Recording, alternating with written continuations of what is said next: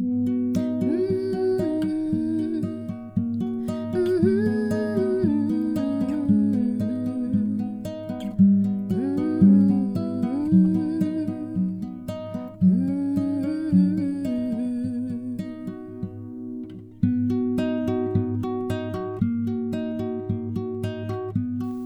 bij Als de dood voor het leven. Een podcast over leven, overleven en de dood. Waarom verzetten we ons tegen het leven? Niet de dood is onze grootste angst, maar om te leven en uiting te geven aan wie en wat we werkelijk zijn. Wat als we, waar we zo bang voor zijn, durven aan te kijken en omarmen? Hoe zou het leven er dan uitzien? Welkom bij de podcast Als de dood voor het leven. Vandaag ga ik in gesprek met Anne en Andrea van Laak, moeder en dochter. Anne kreeg op haar achtste lymfklierkanker en ze is nu 24 jaar. Ze is een dame die de onmacht die ze ervoer heeft omgezet in kracht. Zo helpt ze nu jongeren met strukkelingen in hun leven. Vandaag is Andrea, de moeder van Anne, er ook bij. Met haar eigen ervaringen als moeder van een ziek kind, met kanker en later krijgt ze zelf ook borstkanker. Mooi dat jullie vandaag samen zijn. En dat jullie ervaringen van een ziekte en herstelperiodes willen uitwisselen. Anne, wil jij eens delen hoe nou, als je terugkijkt op de herinnering dat je acht jaar was, uh, over hoe de ziekte was en de behandelingen die je moest ondergaan? Uh, ja, tuurlijk. Uh, ja, het is heel gek. Maar als, ja, als kind sta je sowieso heel anders in een ziekte als volwassene. Maar als ik terugkijk op mijn ziekte, kijk, zie ik eigenlijk vooral de positieve momenten en de ervaringen. Er zijn heel veel ook negatieve momenten geweest, die herinner ik me ook veel. Maar ja, als ik terugkijk, dan is het niet iets heel negatiefs of zo. Mensen kijken wel best vaak raar aan als ik dat zeg. Maar ja, er zijn heel veel zware momenten geweest ik neem het ook voor de rest van mijn leven met me mee, die hele ervaring. Maar het maakt er ook toe dat ik de persoon ben die ik nu ben. En van de ene kant is het dus, um, ja, zijn er heel veel negatieve emoties. Maar van de andere kant ja, is er ook een hele kracht uitgekomen. Mm Dat zie ik ook dus- bij je. ook als je er nu over praat. Ja. Maar hoe is dat dan voor Andrea als je mama? Ja, ik, um, um, ik, ik, ik denk dat dat iets is wat we allebei wel delen.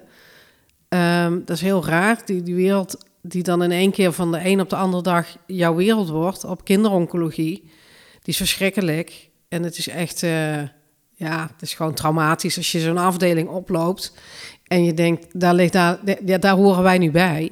Maar het is heel raar, maar de kankerwereld is ook van de andere kant heel erg mooi. Omdat je ja, heel intens um, met het leven bezig bent omdat je bang bent dat je doodgaat waarschijnlijk. Ik weet het niet. Maar op de een of andere manier wordt alles intenser. En alle dingen die je dan uh, als positief uh, ervaart, ja, die zijn dan ook intenser. En op de een of andere manier, ja, dat is een afwijking die we denk ik allebei wel hebben. Als wij nare ervaringen meemaken, is dan uiteindelijk de positieve dingen blijven meer hangen. En volgens mij hebben we er allebei een beetje, een beetje last van.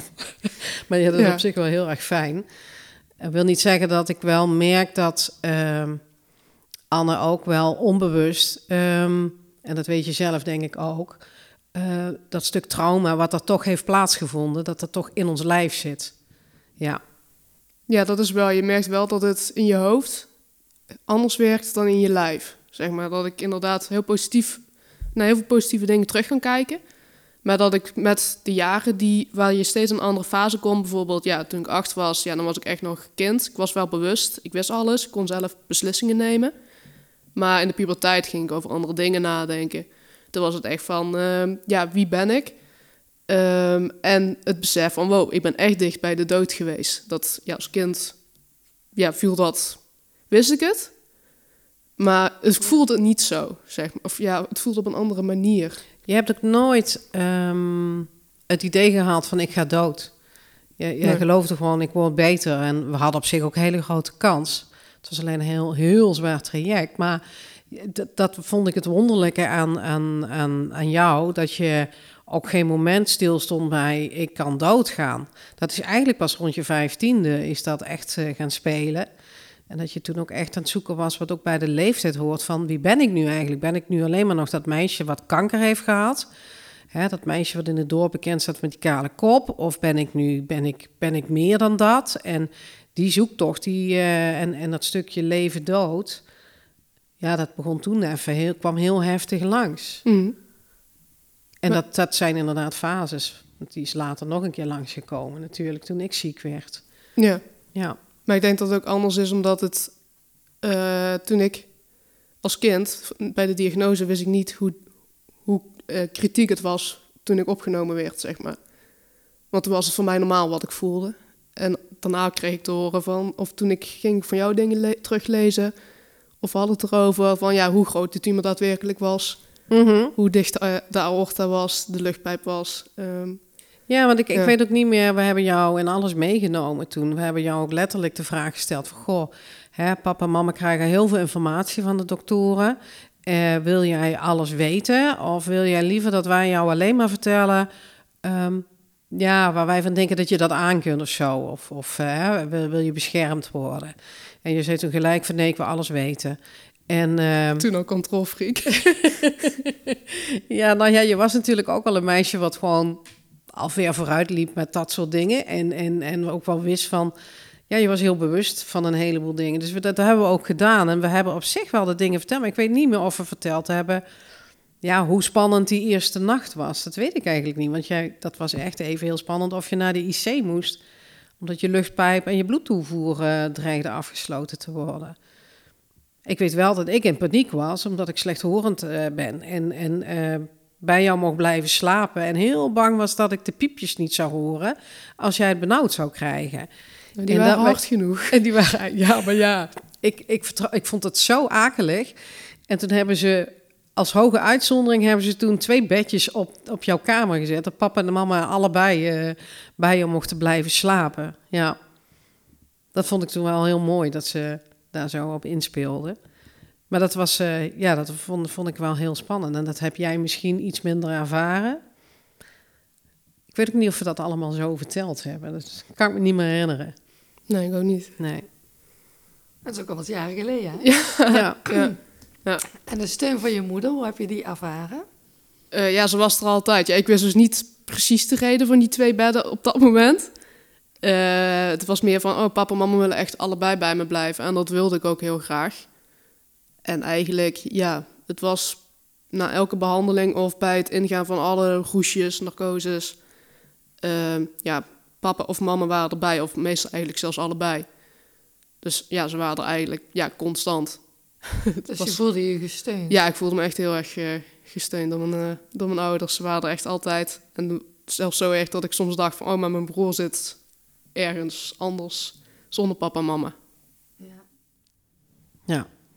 Ja, dat is het, uh, de spagaat waar je als ouder uiteindelijk ook in komt.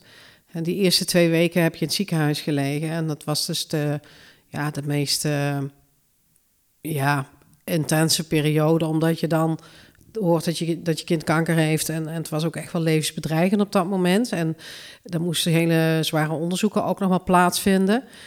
Uh, maar ik heb dat... Ja, onze zoon is toen hij geboren werd ook heel ziek geboren. En ik heb toen ook al gezegd, bij alles wat hij moet ondergaan, ik wil daarbij zijn. Ik wil dat ik hem kan vertellen later wat er gebeurd is, zodat hij...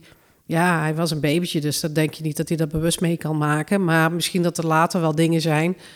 Ja, waar je misschien dat we daar wel op terug kunt voeren. Ook dat is traumatisch voor een babytje, denk ik, al die, die behandelingen. En dat had ik bij Anne ook gelijk. Ik... Uh, ja, papa heeft het eigenlijk ook altijd uh, zo gedaan. Uh, we zijn bij alles geweest, want Anne moest om zoveel tijd bijvoorbeeld ruggen prikken. En dan kreeg ze chemo in direct in de ruggenmerg, maar er werd tegelijkertijd ook gecheckt hoe, hoe, hoe het, het vocht eruit zag en of er cellen zaten. Ja, en een ruggenprik is bij kinderen, ja, dan kom je wel in een roesje. Maar daar zijn altijd twee, volgens mij twee verpleegkundigen bij. En het is ja, dat is, dat, dat, dat is niet altijd even makkelijk, want dat kan ook heel pijnlijk zijn of vervelend. Ja, het was op een gegeven moment zo dat We gewoon met, met, met ja, ze wisten gewoon als de ouders erbij zijn. Anne die kan zich daar heel goed aan overgeven. We hadden gewoon bijna geen extra hulp nodig. Dus we waren ook eigenlijk, ja, je bent binnen no time ben je een halve verpleegkundige leek wel zo van. Je doet het gewoon allemaal maar mee. Nou ja, Anne was wat dat betreft ook wel uh, een, ja, denk ik een perfecte patiënt. je was heel stoer en je deed alles en je hebt eigenlijk nooit uh, geprotesteerd. Enige keer was toen ze als dokter een keer, uh, uh, daar had je het laatste van je, van je zware chemo's, dat je op een gegeven moment, ja, dat je armen andere dingen gingen doen. Ja, gewoon uitval. Ja. En, en uitval in je lijf, dat we echt dachten van, oh god, wat is hier nu aan de hand?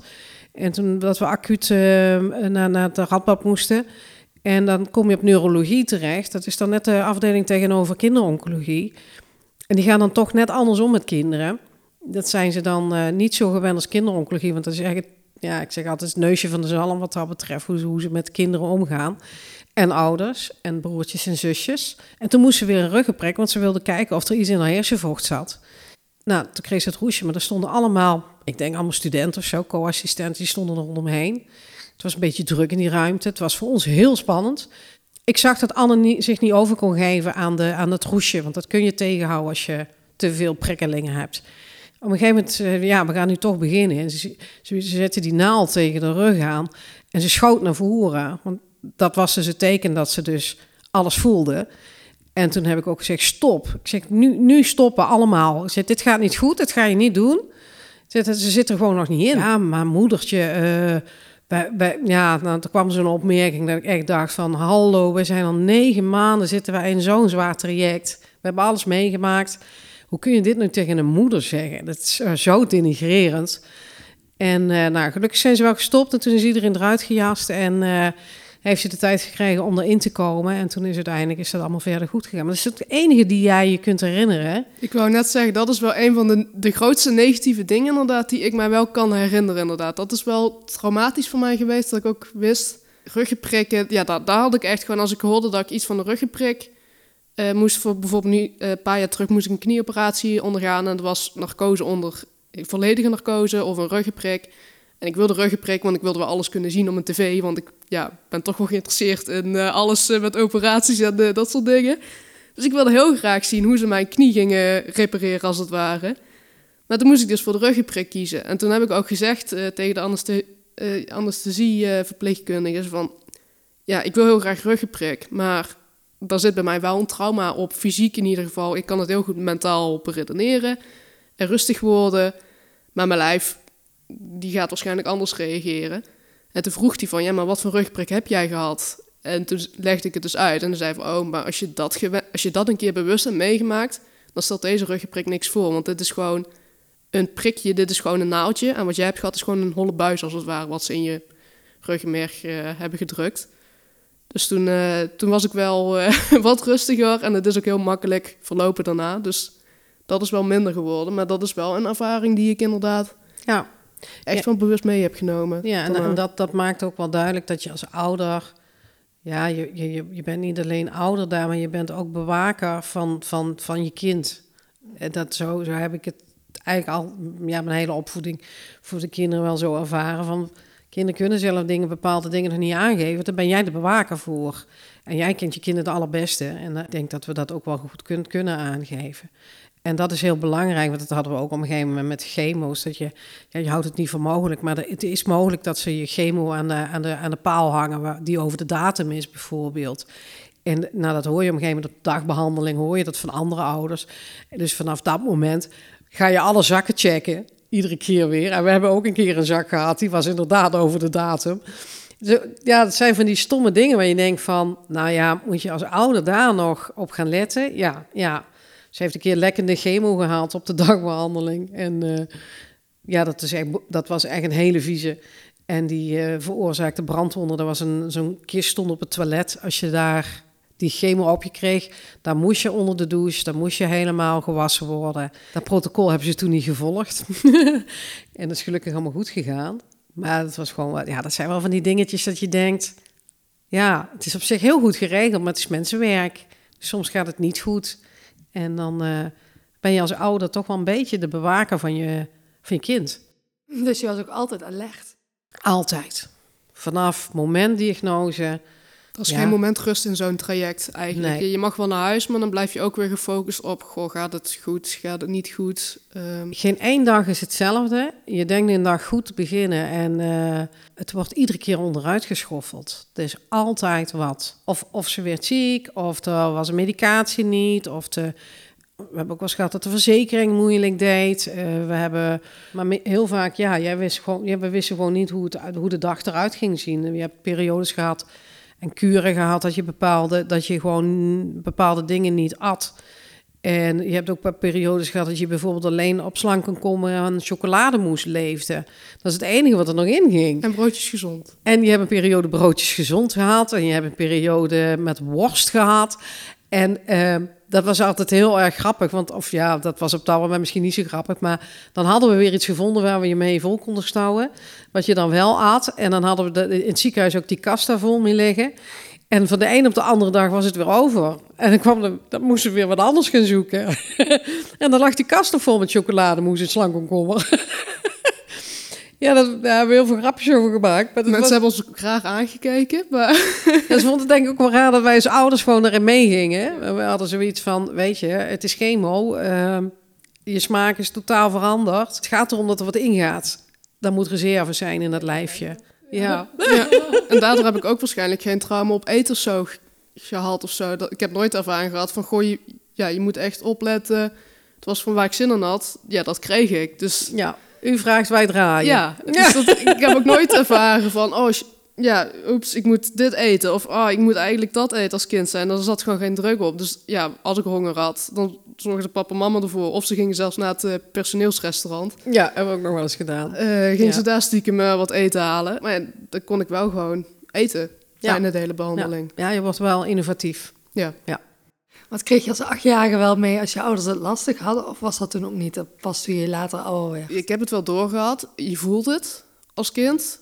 Maar ja, de woorden en de concrete gedachten die zijn er dan anders, denk ik. Of die zijn er dan niet. En ik moet ook zeggen, het is heel anders als je zelf ziek bent. Uit ervaring vind ik dat makkelijker zelf ziek zijn dan te zien dat iemand anders ziek is. Eh, want als je zelf ziek bent, ja, dan onderga je het. Ehm, dan, dan gaat gewoon een overlevingsstand aan. Je denkt wel aan anderen, maar je denkt ook van...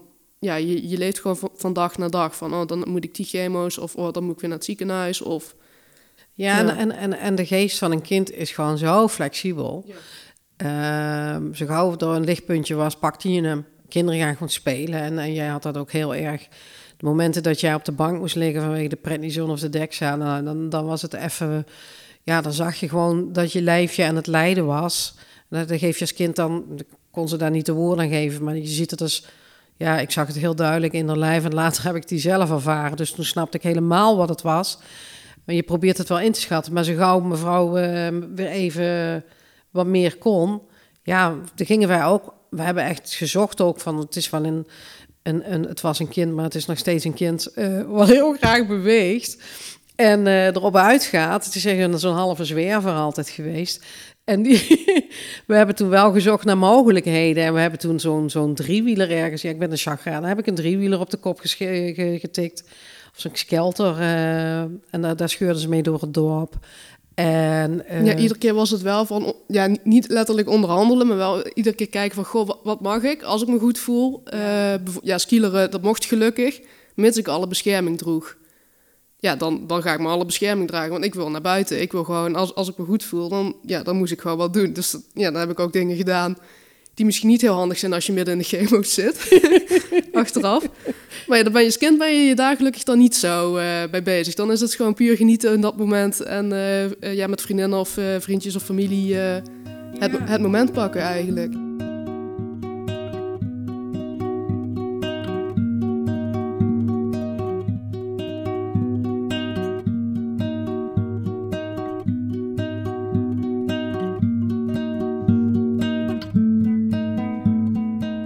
Andrea, jij kon ook lichtpuntjes vinden in de overlevingsstand. Want je was wel aan het overleven. Je was... Ja, ja, ja dat, dat, eh, dat, dat kan ik heel erg goed. Als ik aan het overleven ben, zie ik ook de lichtpuntjes. Met als nadeel dat je de rest niet zo goed eh, de aandacht geeft die je, die je eraan zou moeten geven waarschijnlijk. Maar op dat moment hadden we daar ook weinig mogelijkheid toe. En je moest gewoon door. Want als op het moment dat je dochter slechte dagen had, uh, hoe voelde dat dan voor jou? Ik vond het, uh, ik vond het verschrikkelijk. Ja, je, je bent constant bang je kind te verliezen. Want je weet ook dat de chemo's zijn, uh, maken je zieker nog dan dat je eigenlijk je voelde. Uh, nu was er bij Anne zo dat, dat ze wel heel duidelijk last had. Dus daarom ook, daar hebben we het laatst nog over gehad, dat jij echt het idee had van, hè, nu word ik geholpen.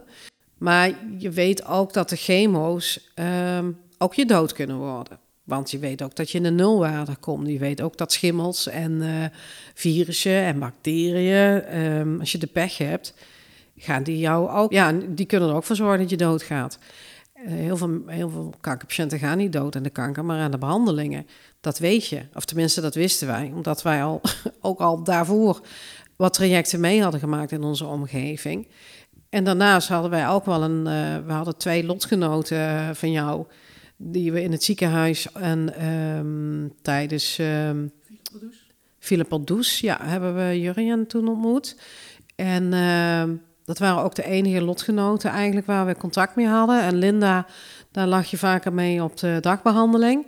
En die was, die was echt een stuk ouder, die was toen 16 geloof ik. Ja, die, die twee, die, hebben dus, die hadden de pech dat ze, dat wisten we later pas, die hadden leukemie en die hadden een bepaalde genafwijking, waardoor ze gewoon veel minder kans hadden om uh, goed uit die behandelingen te komen. Ze hebben allebei een uh, transplantatie gehad, een uh, beenmergtransplantatie. En zij zijn beide gestorven in die periode dat Anne in behandeling was. En dat, ja, eigenlijk hebben we daar nog het meeste moeite mee gehad. Het, het lot van de ander. En uh, ik kan er nu nog over zitten janken, omdat het zo eerlijk is. En, en dat zie je als ouder en, en je gunt dat die ander ook dat die beter wordt. En van de andere kant zit je er ook als ouder in dat je denkt: oh jee, dit kan mijn kind misschien ook wel overkomen.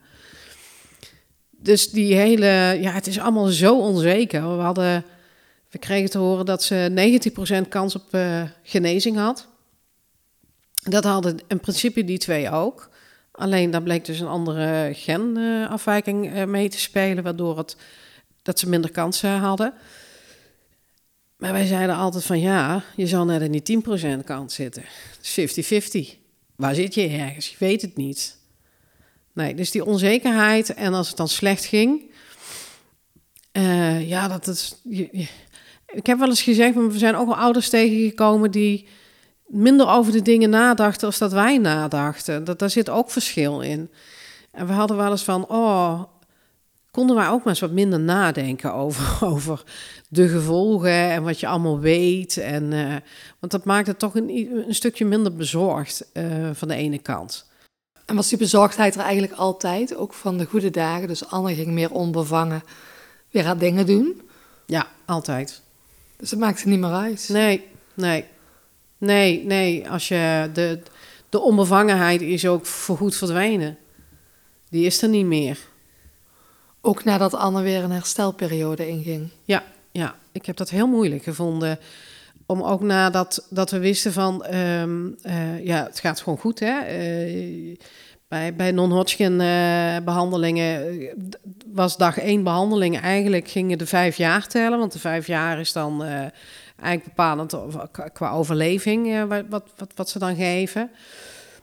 En ook na die ja, na die, na, die, ja, na die vijf jaar had ik het wel iets meer op de rit. Maar ik heb echt ergens op een gegeven moment hulp gezocht. Ik was constant haar begrafenis in mijn hoofd aan het, aan het regelen. De angst om haar te verliezen, die, die, die, die heb ik echt uh, zo lang nog heel sterk bij me gevoeld.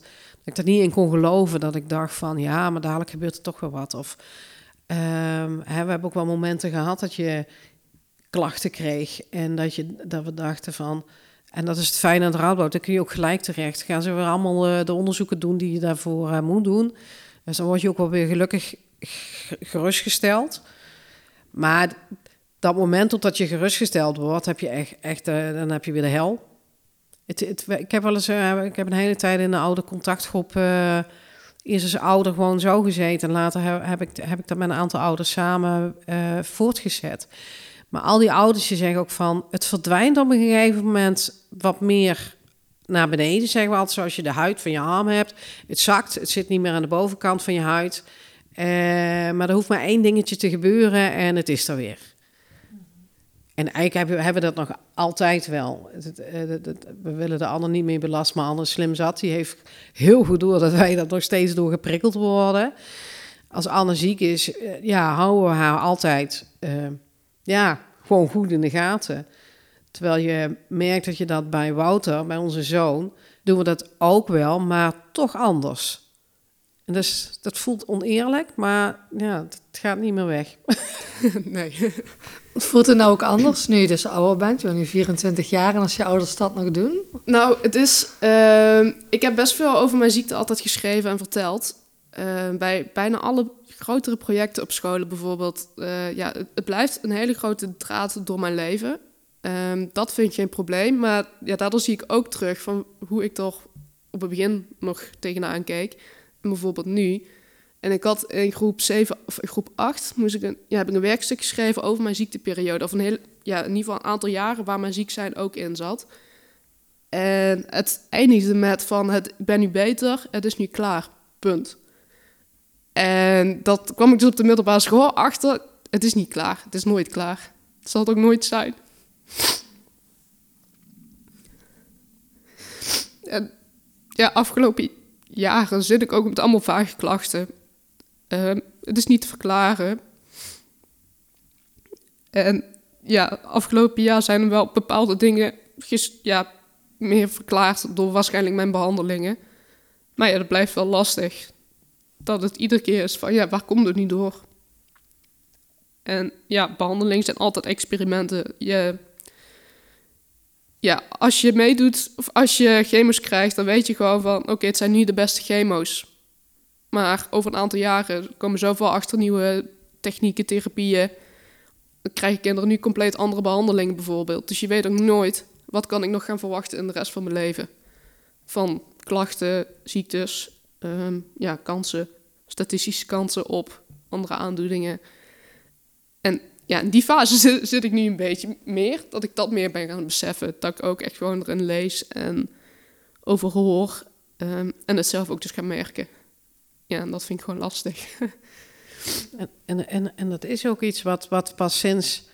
Ja, jij hoort nu bij de eerste grote groep overlevers eigenlijk. Ja. Uh, wat ik me heel erg goed realiseerde toen, toen, toen... Ik denk dat dat de tweede nacht is geweest. Dat, uh, toen kregen we het voorstel van... willen jullie aan een aan een trial meedoen uh, in, in, in, verband met de medicatie die toegediend werd. En het was een heel groot pakket met moeilijke woorden. En we moesten dan. Het ging over een, een uh, experiment eigenlijk. Dat ze in plaats van. Ze had twee, twee grote kuren, maar veel prednison uh, toegediend zou gaan worden. Ze gingen dat vervangen door dexamethason in een van die periodes. En daar kon je dan voor kiezen om aan die trial mee te doen. Dan moest je dan toestemming voor geven. En dan moest je ja, wel zoiets van, ja, we willen, ik ga daar niet zo mee tekenen. Ik ga die hele papierkraam doorworstelen. En uh, ik, s'nachts met mijn zaklampje op dat kleine bedje heb ik dat zitten lezen. En, en dat ik echt dacht van, oh god, waar ga ik voor kiezen? Toen hebben we daar nog wat uitleg over gekregen. En uiteindelijk hebben we aan die trial meegedaan.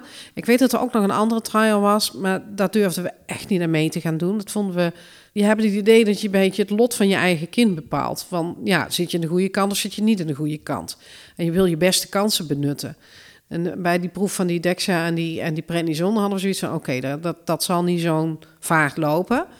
Toen realiseerde ik me wel heel erg... want zij had protocol, ik weet niet welk nummer... daar ben ik daar niet zo goed in om te onthouden. Maar dat protocol is natuurlijk ontstaan... door alle kinderen die aan haar vooraf zijn gegaan die non-Hodgkin hadden en die dat T-cell lymfoom hadden en die waarschijnlijk twintig jaar daarvoor nog de meest zware, het zwaarste geschut hebben binnengekregen, waar ze waarschijnlijk, waar een heleboel kinderen waarschijnlijk ook nog wel aan dood zijn gegaan vanwege dat het nog niet afgestemd was op kinderen. Dat, dat je denkt, oké, hier hebben heel veel kinderen al voor moeten lijden om dit protocol eigenlijk verfijnd te krijgen. Maar ondertussen realiseren wij ons ook dat ook zij in feite ook weer zo'nzelfde kind is geweest. En het wordt steeds duidelijker bij de survivors dat je ook op latere leeftijd, zo rond die middelbare leeftijd, dat daar klachten kunnen zijn, fysiek, mentaal ehm, of een combinatie ervan, die niet helder zijn waar die vandaan komen, maar waar we wel van zien dat het in een grote groep van die survivors speelt. En het vraagt hele specifieke kennis, ook bij bedrijfsartsen en dat soort dingen. En dat, dat staat nog echt wel een beetje in de kinderschoenen, dat idee heb ik. En uh, nou ja, daar worstel jij ook wel mee. Zo van, uh, ja, waar komt nu wat vandaan? Ik ben de enige die dat heeft, lijkt het wel. Maar ja, het is wel heel bijzonder wat je dan aan combinatie en klachten hebt. Ja, dat is, dan ben je daar ook alweer over bezig. En dat laat je ook niet los. Ik denk dat in het begin van het traject ben ik veel bij jou geweest in het ziekenhuis. En op een gegeven moment merkte ik dat ik daar ook minder belastbaar in ging worden. En toen, uh, toen hebben we ook... Uh, ja, toen, ja, de dagbehandeling heeft papa juist weer ja, meer papa gedaan die zat natuurlijk met... Ik, ik ben gestopt met werken vanaf dag één. Mijn man die is op een gegeven moment wel weer gaan werken. Maar toen hebben we dat toch op de een of andere manier wel zo kunnen regelen... dat uh, inderdaad mijn man wat meer met haar meeging. Dat ik af en toe ook wat meer um, hier kon blijven. En ook voor Wouter, want we hebben uiteindelijk na die eerste twee weken die heel intens waren en we veel met twee in het ziekenhuis waren, hebben we alles opgesplitst, zodat ook Wouter inderdaad uh, hier thuis uh, een papa of mam had. Want ja, dat was ook belangrijk voor hem. -hmm. Ja, maar je bent altijd in de spagaat. ja.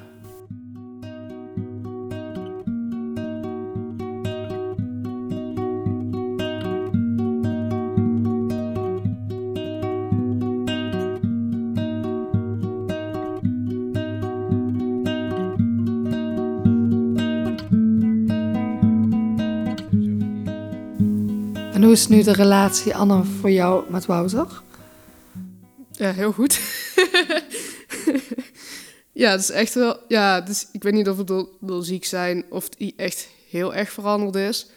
Maar ja, hij is wel gewoon een hele betrouwbare broer. En ik weet ook dat ik het, het zorgkindje jaren ben geweest in het gezin. Of nog steeds misschien ben. Als ik inderdaad ziek ben, dat hij ook wel meer vraagt van... Goh, uh, hoe heftig is het en uh, hoe ben je er nu aan ja, hij heeft een paar jaar ook in het buitenland gezeten. Dus toen hebben we niet heel veel contact uh, live in ieder geval gehad. En ook niet echt via de app. Maar als we bij elkaar zijn, dan is het gewoon gelijk weer... Ja, als vanouds, zeg maar, van broer en zus. Uh, we hebben ruzies gemaakt, ook tijdens muziek zijn gelukkig. we hebben zitten kuiten, we hebben elkaar, zitten, we hebben elkaar mogen slaan en schoppen. Met goede correctie daarna.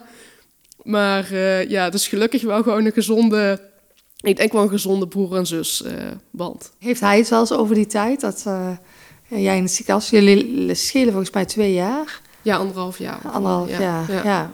Dus hij was ook... Hij was tien. Ja, we, we, hebben het er heel weinig over gehad, eigenlijk. Ik heb wel wat dingen ook ja, via papa en mama meegekregen. Maar hij is ook nooit echt een prater geweest in die zin. We hebben het er soms wel over. Maar nu is het eigenlijk meer... Ja, we hebben het meer over het ziek zijn van mijn moeder dan over mijn ziek zijn. Ja, ik weet niet. Het is, um, ik denk dat het gewoon heel erg in die hele relatie gewoon mee is gegroeid. Ik heb ook niet het idee dat daar heel veel behoefte is aan praten op ergens in deze tijd die we gehad hebben. Misschien komt dat uh, ooit nog eens, dat, dat zou best kunnen. Maar uh, Wouter is altijd iemand geweest die ja, zich heel goed kon wegcijferen voor de ander. Dat doet hij eigenlijk, dat zit ook in zijn, in zijn natuur. En hij heeft toen in de tijd dat Anne echt in inten intensieve behandelingen zat, van, van mei tot en met uh, januari, heeft hij zich ook heel braaf gehouden. en, en hij heeft ook hele andere herinneringen aan die tijd als dat wij hebben. En dat, daar, dat is wel een beetje zo'n gesplitst gevoel, vind ik nog altijd. ik denk, ja, dat, dat ben ik eigenlijk pas een paar jaar geleden achtergekomen. Hij heeft een heleboel dingen niet meegemaakt, omdat hij daar niet bij was. Hij was dan of op school, of hij, uh, als hij opgevangen werd, dan ging hij naar zijn oom en tante. En uh, ja, met, met dat neefje, nichtje, wat uh, Robin en Judith hadden, jullie ontzettend goed contact. Dus dat was ook heel erg leuk om daar te zijn. Dus Wouter heeft, heeft ook een deel van de zorgen niet zo meegekregen, denk ik. Maar het, het, ehm, ja, het, het, het bijzondere is dat hij zich weggecijferd heeft. En zo ergens in februari toen toen begon hij een beetje te neeknekken, wat we helemaal niet van hem gewend waren. En hij zat alles op een weegschaaltje te leggen. En Anne krijgt dit. En ik heb, dat, ik, heb, ik heb dat niet. En dat we echt wat is dit? Vonden we zo raar. En ja, het werd een beetje, soms zelfs een ruzieachtig sfeertje. En, en dan is het fijn als je dan in het radboud komt, dat zo'n, uh, volgens mij was het de verpleegkundige of de pedagogisch medewerker, ik weet niet meer, een van die twee heeft toen tegen ons uitgelegd van, ja, maar hij heeft al zo lang rekening gehouden met zijn zusje. En nu komen jullie in wat rustiger vaarwater, omdat jullie aan de, aan de pillenchemo zitten. En nu gaat hij zijn plek opeisen, want hij heeft natuurlijk wat in te halen. En dat was zo bijzonder dat ze dat gewoon zo vertelde tegen ons, want dat was gewoon de clue. En toen, zei ze, toen hadden we zoiets van, ja, maar hoe kunnen we dit in godsnaam goed maken? En toen kwam de tip van, ja, ga iets speciaals met hem alleen doen, wat hij echt super tof vindt. En hij zat in groep 8 en toen hadden we zoiets van, uh, oh, als hij dan dadelijk klaar is met groep 8, dan mag hij met papa uh, een aantal dagen met de tent gaan kamperen. Dat vond hij super leuk. En het is toen zo goed bevallen. Hebben het jaar erop hebben ze dat nog een keer gedaan. En op de een of andere manier ging toen langzamerhand toch die weegschaal werd weer in balans. En dan zie je ook weer dat kinderen daar ook weer gewoon in meegaan. En, vanaf, ja, en, en volgens mij hebben jullie ook vanaf die periode ook weer ruzie gemaakt met elkaar. En dat er ook wel weer, dat die oneenigheid er meer weer mocht zijn. Ja, want dat vond ik wel heel fijn. Ja, en dat is eigenlijk supergoed, want dat is de taak van een broer en een zus. Je moet je broer en zus een beetje neetnekken. Dat hoort daarbij. Ja. Maar hoe zorg jij dan goed voor jezelf in zo'n tijd? Ja, dat zei iedereen tegen mij. Ja, zorg maar goed voor jezelf, hè. Hoe dan? Ja, hoe dan? Weet ik nog steeds niet. Geen idee. Nee. Ik denk ook niet afgeschakeld ben in die periode. En ik kon ook niet afschakelen op de een of andere manier. Ik heb al wat dingen geprobeerd. Ik ben eens op yoga gegaan. En ik had ja, vanaf dag één van, van de uitslagen, vanaf hè, dat, dat je in het ziekenhuis bent en voor een, een longfoto onschuldig en je krijgt te horen dat daar een tumor zit. Mijn hele hormoonhuishouding stond op zijn kop. Mijn lijf ging pijn doen. Alles, alles schreeuwde gewoon om, uh, ja, om aandacht. Alleen ja, dat kan op dat moment gewoon niet. Ik heb ook wel hè, tegen vriendinnen gezegd van... Goh, hè, uh, als jullie dingen gaan ondernemen, vraag me alsjeblieft. Ik heb wel heel goed, hè, want ik kreeg ook als advies, geef, je, geef aan wat je zelf waar je behoefte aan hebt. Dus ik zei ook van, ja, is er wat, dan vraag me. Maar accepteer ook nee, want ik kan gewoon heel vaak niet. Ik heb geen energie. Of het kan gewoon niet, omdat ik Anne niet alleen durf te laten. En dat vond ik ook wel heel erg lastig, want dan merk je ook dat, uh, dat de eerste tijd is iedereen heel meelevend. En ja, dat is, daar, daar is een, een, limiet op. Dan zeggen ze van ja, uh, als langer dan vijf maanden duurt, gaan de meeste mensen gaan, gaan het dan niet meer volhouden. Dat hebben we ook letterlijk wel gemerkt. Een heleboel mensen niet. Er komen ook heel veel onverwachte nieuwe mensen langs. Maar uh, er zijn echt wel mensen die, die, die dat dus niet kunnen. En dus op een gegeven moment, als je twee keer nee hebt gezegd, word je niet meer gevraagd, bijvoorbeeld. Ik heb toen echt letterlijk gezegd: ik moet getrokken worden of geduwd. Maar ik kan het niet meer zelf. En ik, uh, ja, ik heb eigenlijk pas na, jou, na jouw behandelingen, en papa heeft het ook, na jouw behandelingen zijn we eigenlijk een beetje mentaal zo ook wel echt omgekiept. Dat we echt dachten van, ja, we zijn wel bij de huisarts geweest en dat uh, mijn man kreeg antidepressiva voorgeschreven.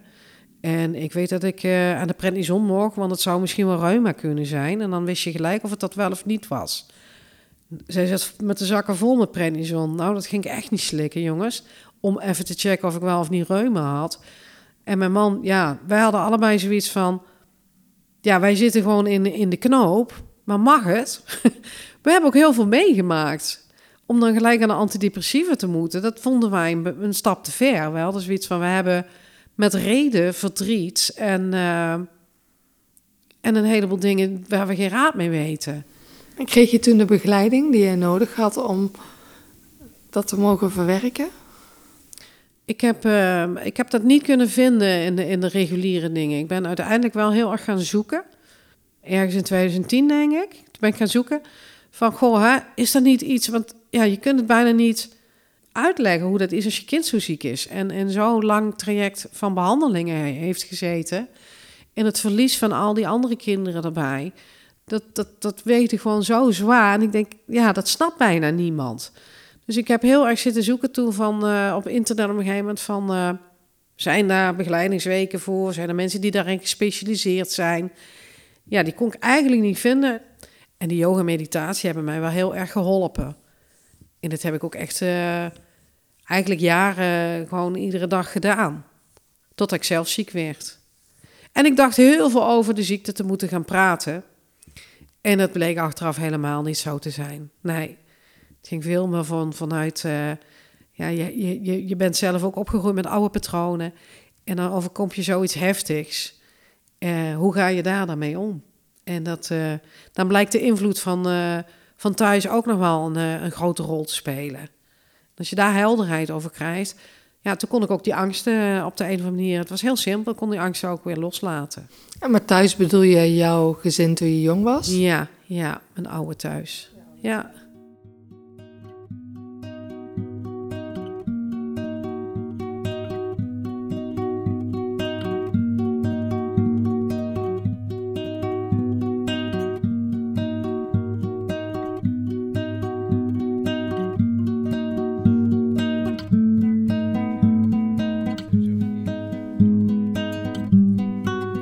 Anne, nu 24 jaar. En je bent nu de brug, maak je om jongeren te ondersteunen. Ja. Wil je er iets over vertellen? Jazeker. Dat sluit heel erg aan op wat Babbe nu heeft, net heeft verteld over de hulp uh, vanuit uh, de zorg. Uh, bij mij werd, toen ik net uit mijn chemo's kwam, werd mij aangeboden om bij een psycholoog, of we hadden het erover, van misschien is het goed voor mij om ook ergens hulp te extra hulp te krijgen. Ja, je zat er nog even niet lekker volgens mij. Nee, en toen zijn we dus bij volgens mij een psycholoog in het Radboud uh, uitgekomen. Ja, ik ben iemand, ik was als kinder iemand, ja, heel goed nadenken, heel goed redeneren. Ik snapte redelijk snel hoe wat werkte. Ik wist ook redelijk snel van, ja, waar het vandaan komt. Um, maar ik wist ook heel snel van de psycholoog van je wilt horen of andere mensen om te denken dat je oké okay bent ik ging dus naar die psycholoog, maar ik was, ja, ik was beter. Of ik mocht eindelijk weer wat, de weerstand ging weer wat omhoog. Ik mocht weer spelen, ik mocht weer dingen doen. En dan moet ik weer naar dat radboud voor een psycholoog binnen te gaan zitten praten. Terwijl ik wel een beetje wist van wat ze wilden horen. En, maar ja, ik wilde gewoon naar buiten. Eigenlijk was dat gewoon. Ik wilde gewoon weer normaal kind zijn, ik wilde naar buiten. Dus ik heb niet zo hele goede ervaringen, zeg maar, als ik terugkijk. en uh, ja, de gesprekken met de psycholoog het had ook niet echt nieuwe in, ja, het gaf ook geen nieuwe inzichten. Het was gewoon meer van ja, ik weet het, maar ik wil gewoon naar buiten. Eigenlijk, daar kwam het op neer. Dus ik had uh, toen redelijk een, ja, een hekel, misschien een beetje te groot woord, maar ik was niet fan van de psychologen. Ja, hoe ze normaal ja, bekend staan als de typische psycholoog van uh, cognitieve gedragstherapie en uh, binnen zitten en praten. Je ging, je ging ook omdat wij dat graag wilden. Ja. en ja, op de basisschool zijn wat dingen gebeurd van over het ziek zijn. Inderdaad, mensen houden het niet lang vol. Uh, ik werd ziek toen ik in groep 5 zat. Uh, hele lieve klas toen. Uh, mijn groep... superjuf. Superjuf ook. Mijn groep 7, 8 ergens. Eind 7, begin groep 8. Ja, toen kwam het toch wel een beetje naar voren... dat kinderen weer dachten dat ik normaal was. Dat ik maar weer normaal moest doen. Waarom kreeg ik nog speciale dagen van wensdagen en dat soort dingen... Um, ze konden er niet mee omgaan, dus daar is een heel verhaal van pest uiteindelijk ontstaan van mijn klas. Uh, achteraf denken wij vanuit jaloezie, ja, ik denk niet dat we het ooit te weten komen, maar ja, het was wel van, uh, dat kind moet maar weer normaal zijn. Ja, en ik was zo iemand die gewoon mijn eigen plan trok. Je bent altijd eigenwijs geweest. Niet zo vatbaar ben voor een groepsdruk en dat soort dingen. Dus dat, was altijd al een, uh, denk wel een risicofactor bij leeftijdsgenoten. Uh, maar ik ben dus niet heel erg gelukkig van die van basisschool afgegaan. Ik ben naar de middelbare school gegaan. Daar nog wel wat struggelingen tegengekomen. Uh, ook een beetje door mijn ziek zijn. Maar uh, ja, ergens halverwege de middelbare, in de vierde volgens mij... kwam weer een pestverhaal uh, naar voren met vriendinnen van mij... die mij weer gingen pesten, zeg maar. Ja, het waren nieuwe vriendinnen. Maar ze, ja, ik werd weer gepest in de klas. En toen ging ik ook... Ja, toen zat ik ook met de fase dat ik anders ging kijken naar mijn ziek zijn. Dat kwam allemaal lekker bij elkaar uit. Dus ik zat ja, behoorlijk diep op dat moment. En toen heb ik wel wat dingen opgeschreven. Um, maar ja, ik kwam er zelf eigenlijk niet uit. Uh, ja, het was gewoon één grote chaos. Ik wilde gewoon een time-out. Ik wilde gewoon dat alles even op pauze ging. En dat het gewoon rustig werd. En toen op een gegeven moment had ik met mijn moeder uh, op het stoepje in, uh, in de tuinkamer... toen was het op een gegeven moment van, ze hadden me al vaker gezegd van, eh, ja, hoe kunnen we je helpen? Wat kunnen we doen? Ja, we moeten wel iets, want dit gaat niet langer. En toen stond ik wel op een gegeven moment in één keer open voor, toen zei mijn moeder, vertelde over iemand die gaat gewoon, ja, dat was de clown van, die werd als uh, clown ingehuurd, volgens mij ook op de basisschool. En die zei, toen zei jij van, ja, misschien kunnen, die doet ook kinderen begeleiden met sporten, gewoon buiten bewegen. Ja, dat was Clown Jaapie. Clown Jaapie kwam al in jouw ziekteproces langs, want zijn, zijn kinderen zaten bij jullie ook op school. En die trad vaker op op school. Maar eigenlijk was hij een, uh, of hij is een, een hele goede coach op het gebied van bewegen. Ja. ja. En daar stond ik wel voor open, om daar uh, in gesprek te gaan. Ja, ik denk, ik vond het ook wel een beetje komisch, omdat het dus Jaapie was. Maar het voelde, niet, het voelde niet zo zwaar. Het voelde niet als weer een psycholoog binnen zitten. En uh, dat hebben we gedaan en dat zag ik wel zitten. Dus ja, ik ben gewoon met hem, ben ik gewoon iedere week, één uurtje in de week, ben ik gewoon met hem, um, ja, we begin gaan boksen. Zijn we achtergekomen met mijn ademhaling, dat ik gewoon constant in een stressstand stond dat ik gewoon aan het hyperventileren was. Ehm, ja, dat mijn lijf gewoon niet rustig was. Dus dat het ook niet in mijn hoofd rustig kan zijn. En ja, daar heb, echt, heb ik echt wel een paar week, maanden begeleiding van hem gehad. Maar het was heel laagdrempelig. Het was, we hadden het over van alles en nog wat. Het was niet zo van, goh, um, waar zit je deze week, week mee? Ehm, hoe voel je je nu? Het ging over van alles en nog wat. Maar het hielp me echt extreem goed. Dus dat, dat was wel een ervaring. En tegelijkertijd kreeg ik een time-out van school. Uh, met de eis dat ik wel bij een psycholoog uh, moest gaan. Uh, of een orthopedagoog. Of een orthopedagoog, ja. Maar ik moest in ieder geval bij een echte, een echte, een met echte aanhalingste aanhalingstekens. Ik moest bij een officiële psycholoog of orthopedagoog ook gaan, anders kreeg ik geen vrij van school. Dus we zijn bij een goede psycholoog op zich terechtgekomen. Daar heb ik ook heel veel aan gehad. Maar het was niet het praten op zich wat mij eigenlijk het meeste heeft geholpen. Want ik wist toen ook weer, ja, ik heb het ook letterlijk tegen haar gezegd van ja, ik weet dat je eigenlijk dit wilt horen. Uh, ik weet ook dat het zo is, zou moeten zijn. Um, ik kan het nu ook zo zeggen, maar op de een of andere manier voel ik het niet. Of het wordt gewoon niet eigen van mijn lijf, of hoe je het ook moet uh, uitleggen. Maar toen heeft ze mij aangezet tot gewoon sociale experimenten in mijn klas uit te gaan proberen, of op school bijvoorbeeld. Dus niet alleen dat praten, maar meer zo van, ja, ga het maar eens uitproberen, ga het maar eens voelen als je het daadwerkelijk doet. Hoeven we het er nu niet over te hebben. Dit zijn stappen, ja, dit kun je uit gaan proberen, hele kleine stapjes.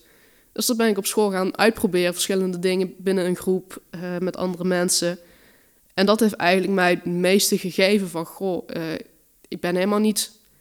Er zijn genoeg mensen die mij wel nog zien van mijn leeftijdsgenoten. Maar misschien, ja, ik moest niet meer het gaan verwachten van de mensen waar ik het eerst van verwachtte, als het ware. Ik moest er weer mijn eigen draai en vertrouwen in gaan vinden. En dat heeft me wel geholpen. Maar het was wel zo van, oké, dat praten op zich, dat, uh, dat werkt niet zo. Toen was het wel bij mij ontstaan van, het kan anders. dat wilde jij gaan ja, doen. Dat, dat, dat mist, dat, daar zit iets. Het triggert mij. Mij heeft altijd ziekenhuizen, rouw, verlies, uh, zieke kinderen dat heeft me altijd heel erg, ja, dat blijft me nog altijd fascineren. Ik kan nog steeds urenlang uh, de medische series kijken van de echte wereld. En, dat, had je, dat had je al voor je ziek zijn? Ja, dat had ik er al voor, maar dus nu heb ik het ervaren zelf van, dat mist iets. Of dat kan een combinatie gemaakt worden. Mhm. En dat lijkt me heel mooi. Het zou mooi zijn als ik hetzelfde kon doen als de coach waar ik ben geweest met dat bewegen. Dat vond ik gewoon fantastisch. Op een hele laagdrempelige manier gewoon met jongeren aan de slag gaan. Het hoeft helemaal niet zo zwaar te zijn. Je hoeft niet helemaal niet allemaal theorieën op of uh, protocollen los te laten op mensen. Laat ze gewoon laat ze zijn. En ja, wat zijn de talenten van de kinderen al? Wat, wat kunnen ze al? Of wat vinden ze al leuk? En hoe kun je dat dan weer toepassen voor een eigen gezondheid of welzijn? En toen ben ik uitgekomen bij de, ja, naar de sociale psychologie toe. Uh, ik heb gedragsverandering gedaan. Dat is heel kort het bocht. Uh, ja, welke knopjes kun je bij mensen draaien? Met de mogelijkheden, mogelijkheden die ze op dat moment hebben, om te zorgen dat ze hun gewenste gedrag kunnen gaan vertonen daadwerkelijk en dat ook vol kunnen houden en het uiteindelijk ook echt eigen maken. En ja, ik ben onder mijn moeder, mama begeleiding of vleugels, ben ik begonnen met kinderen begeleiden al tijdens de studie. Met wandelen, eh, met mountainbike op een gegeven moment. En dat werkte gewoon zo goed. Dat ik na mijn studie eh, heb ik nog gesolliciteerd. Maar ik kreeg de hele tijd van... Ja, als jij praat over wat je nu aan het doen bent... Ga dat doen. Of dat er zit te veel passie. eh. dus we willen je heel graag, maar het is eigenlijk zonde. Dus eh, gefrustreerd dat ik geen baan kon vinden... heb ik toch maar toen besloten, iets sneller dan gedacht... om mijn eigen bedrijf erin op te richten... en eh, jongeren te begeleiden met... ja, op dit moment mountainbiken, maar het kan ook wandelen zijn, het kan rennen zijn, het kan van alles zijn. Dus je bent ervaringsdeskundige, je bent er nog opgeleid erin en nu mag je anderen ermee helpen. Ja, ja, Ja, ja, dat is echt fantastisch om te doen. ik zie het ook aan je. Ja, want dan komen we eigenlijk op het moment eh, dat jouw mam ziek wordt. Dat- Want dan gaan we over verder in de volgende podcast. Dus dan gaan we even een klein stukje terug in de tijd, want Anne is dan 16 jaar. En dan word jij ziek. Mhm. Dus ehm, ja, onwerkelijk eigenlijk, hè? Ja, dat is een, eh, ik krijg daar nu ook kippenvel weer van als je dat dan zegt. En denk van ja, hoe, hoe wil je het hebben? Ja, heel bizar. Dan gaan we verder straks. Tot in de volgende podcast.